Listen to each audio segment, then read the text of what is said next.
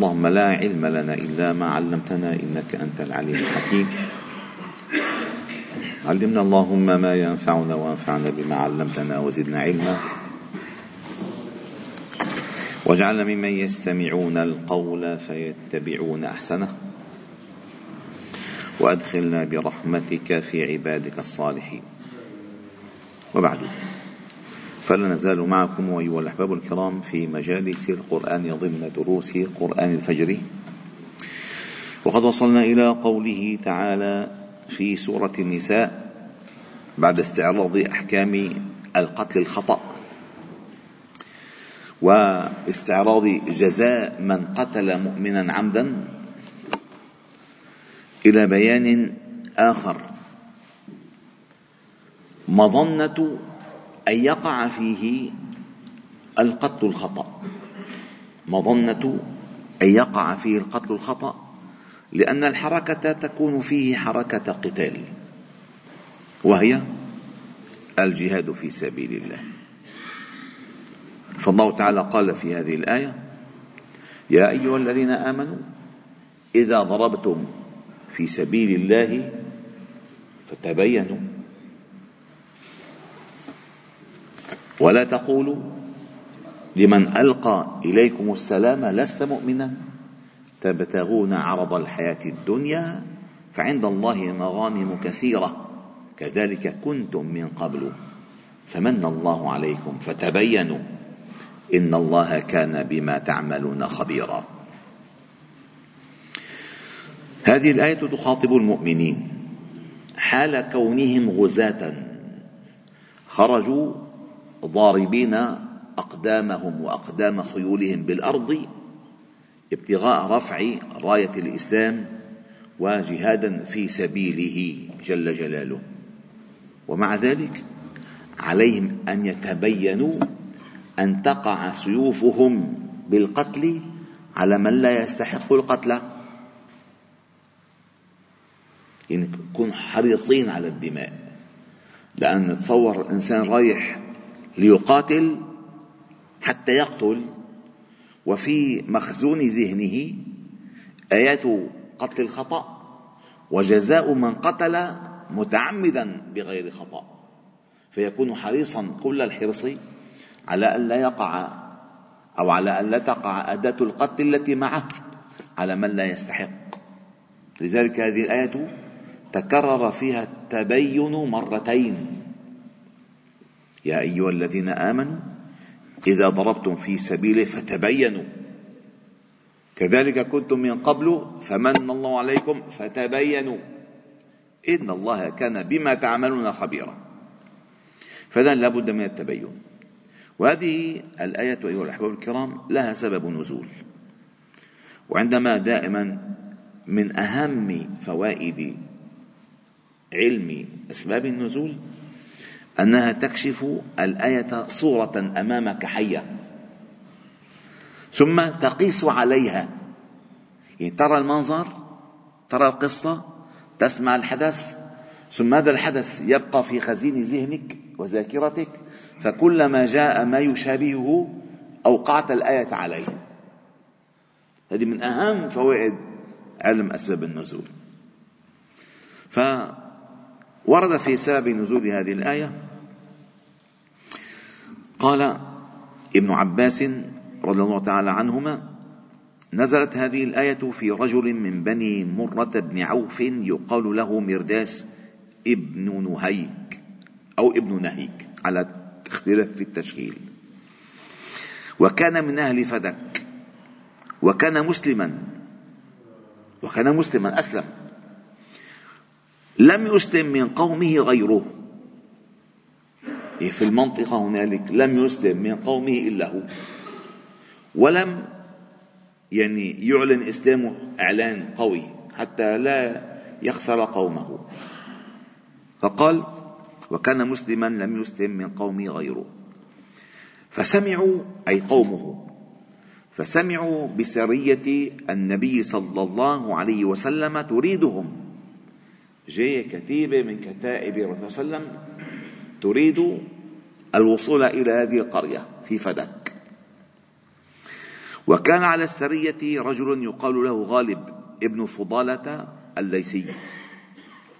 فهربوا القوم وأقام الرجل الذي هو مرداس ابن نهيك راح الكل مين فضل شايف حاله أنا مسلم عمي. فقام الرجل لأنه كان على دين المسلمين. فلما رأى الخيل عن بعيد خاف أن يكونوا غير أصحاب النبي صلى الله عليه وسلم. فألجأ غنمه إلى عاقول من الجبل يعني إلى مغارة في الجبل طلعهم لفوق وصعد هو إلى الجبل. فلما تلاحقت الخيل وقربت سمعهم يكبرون. فلما سمع التكبير عرف أنهم من أصحاب النبي صلى الله عليه وسلم فكبر ونزل إليهم. وهو يقول لا إله إلا الله محمد رسول الله السلام عليكم. بتعرفوا حاطين حاطين السانكين خير المسلمين وركدين ركد. والعاديات ضبحا فالموريات قدحا فالمغيرات صبحا فأثرن به نقعا فوسطن به جمعا. غبار طالع وصوت الخيل والسنابك والقدح والنار إلى آخره هو نزل من الجبل السلام عليكم لا الله أكبر. ما مشي الحال سمعوه؟ ولكن تأولوا المسألة أنه خيفان فتغشاه أسامة بن زيد فقتله. واستاق غنمه ثم رجعوا إلى النبي صلى الله عليه وسلم فأخبروه فوجد النبي صلى الله عليه وسلم من ذلك وجدا شديدا يتأثر تأثرا كبيرا. وكان قد سبقهم قبل الخبر إليه. فقال النبي صلى الله عليه وسلم أقتلتموه إرادة ما معه؟ أنا شفت الغنيمات اللي عنده. بطلتوا تسمعوا شو عم يحكي؟ يعني انسد أسمعكم رؤية الغنم أقتلتموه إرادة ما معه؟ ثم قرأ هذه الآية على أسامة بن على أسامة بن زيد فقال يا رسول الله استغفر لي. ما ما ما قصدت ما عرفت هذه المسألة. استغفر لي. فقال فكيف بلا إله إلا الله؟ فكيف بلا إله إلا الله؟ قال صلى الله عليه وسلم ثلاثا.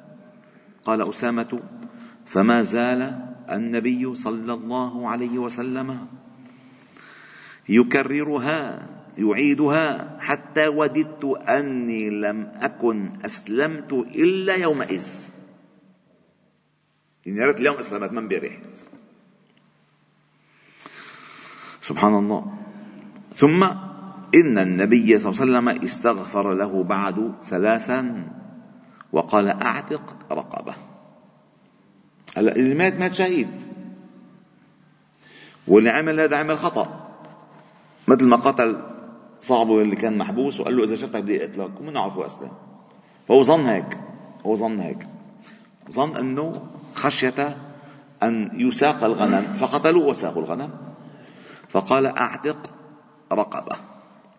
أعتق رقبة أنه ليش؟ من شأن كفر الخطأ.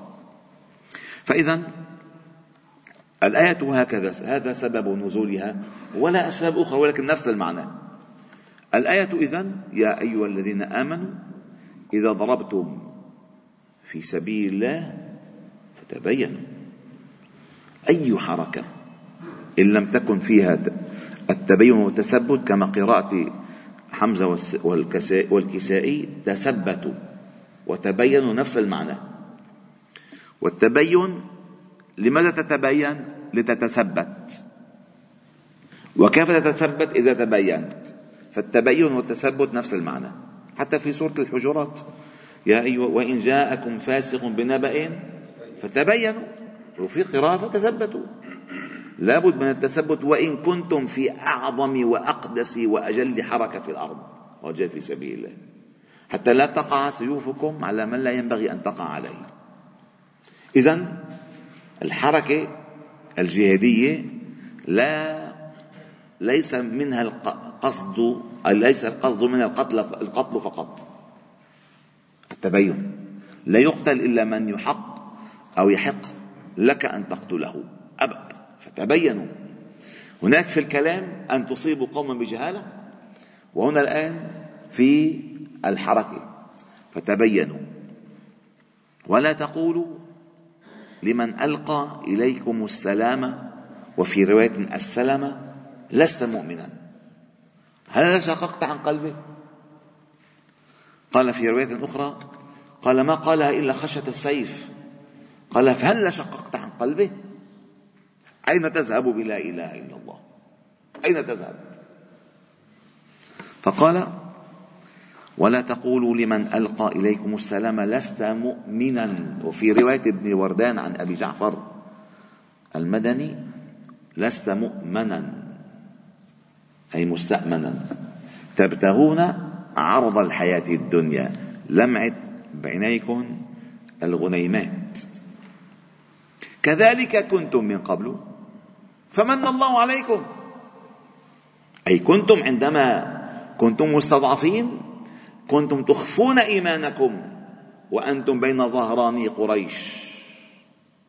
فمن الله عليكم؟ أأن فعل أحد معكم مثل ما كنتم تقتلونه؟ كذلك كنتم من قبل. فمن الله عليكم؟ فتبينوا. إعادة للتأكيد والتقرير أنه ينبغي التبين حتى لا يقع الإنسان في الخطأ. فتبينوا. إن الله كان بما تعملون خبيرا. والله جل جلاله هو الخبير العليم الحكيم البصير الذي لا تخفى عليه خافية. فينبغي للإنسان دائما أن يتبين أولا في كلماته في مواقفه في حركاته. لأن الإنسان مؤاخذ بالكلمة. لا يلقي لها بالا. تودي به سبعين خريفا في نار جهنم. فكيف أن يقع القتل على مسلم؟ وإن كان متأولا ولكن عليه أن يتبين. ودائما عندنا القاعدة القاعدة الشرعية أن الخطأ في العفو أفضل من الخطأ في العقوبة. اتركوا بينه وبين الله. اصطفي. أخطئ. ولو أخطأت أنت أفضل من أن تقع في خطأ العقوبة. فتأتي يوم القيامة نادما. ليش عملت هيك؟ والحمد لله رب العالمين. سبحانك وبحمدك نشهد أن لا إله إلا أنت نستغفرك ونتوب إليك وصلي وسلم وبارك على محمد وعلى آله وأصحابه أجمعين والحمد لله رب العالمين.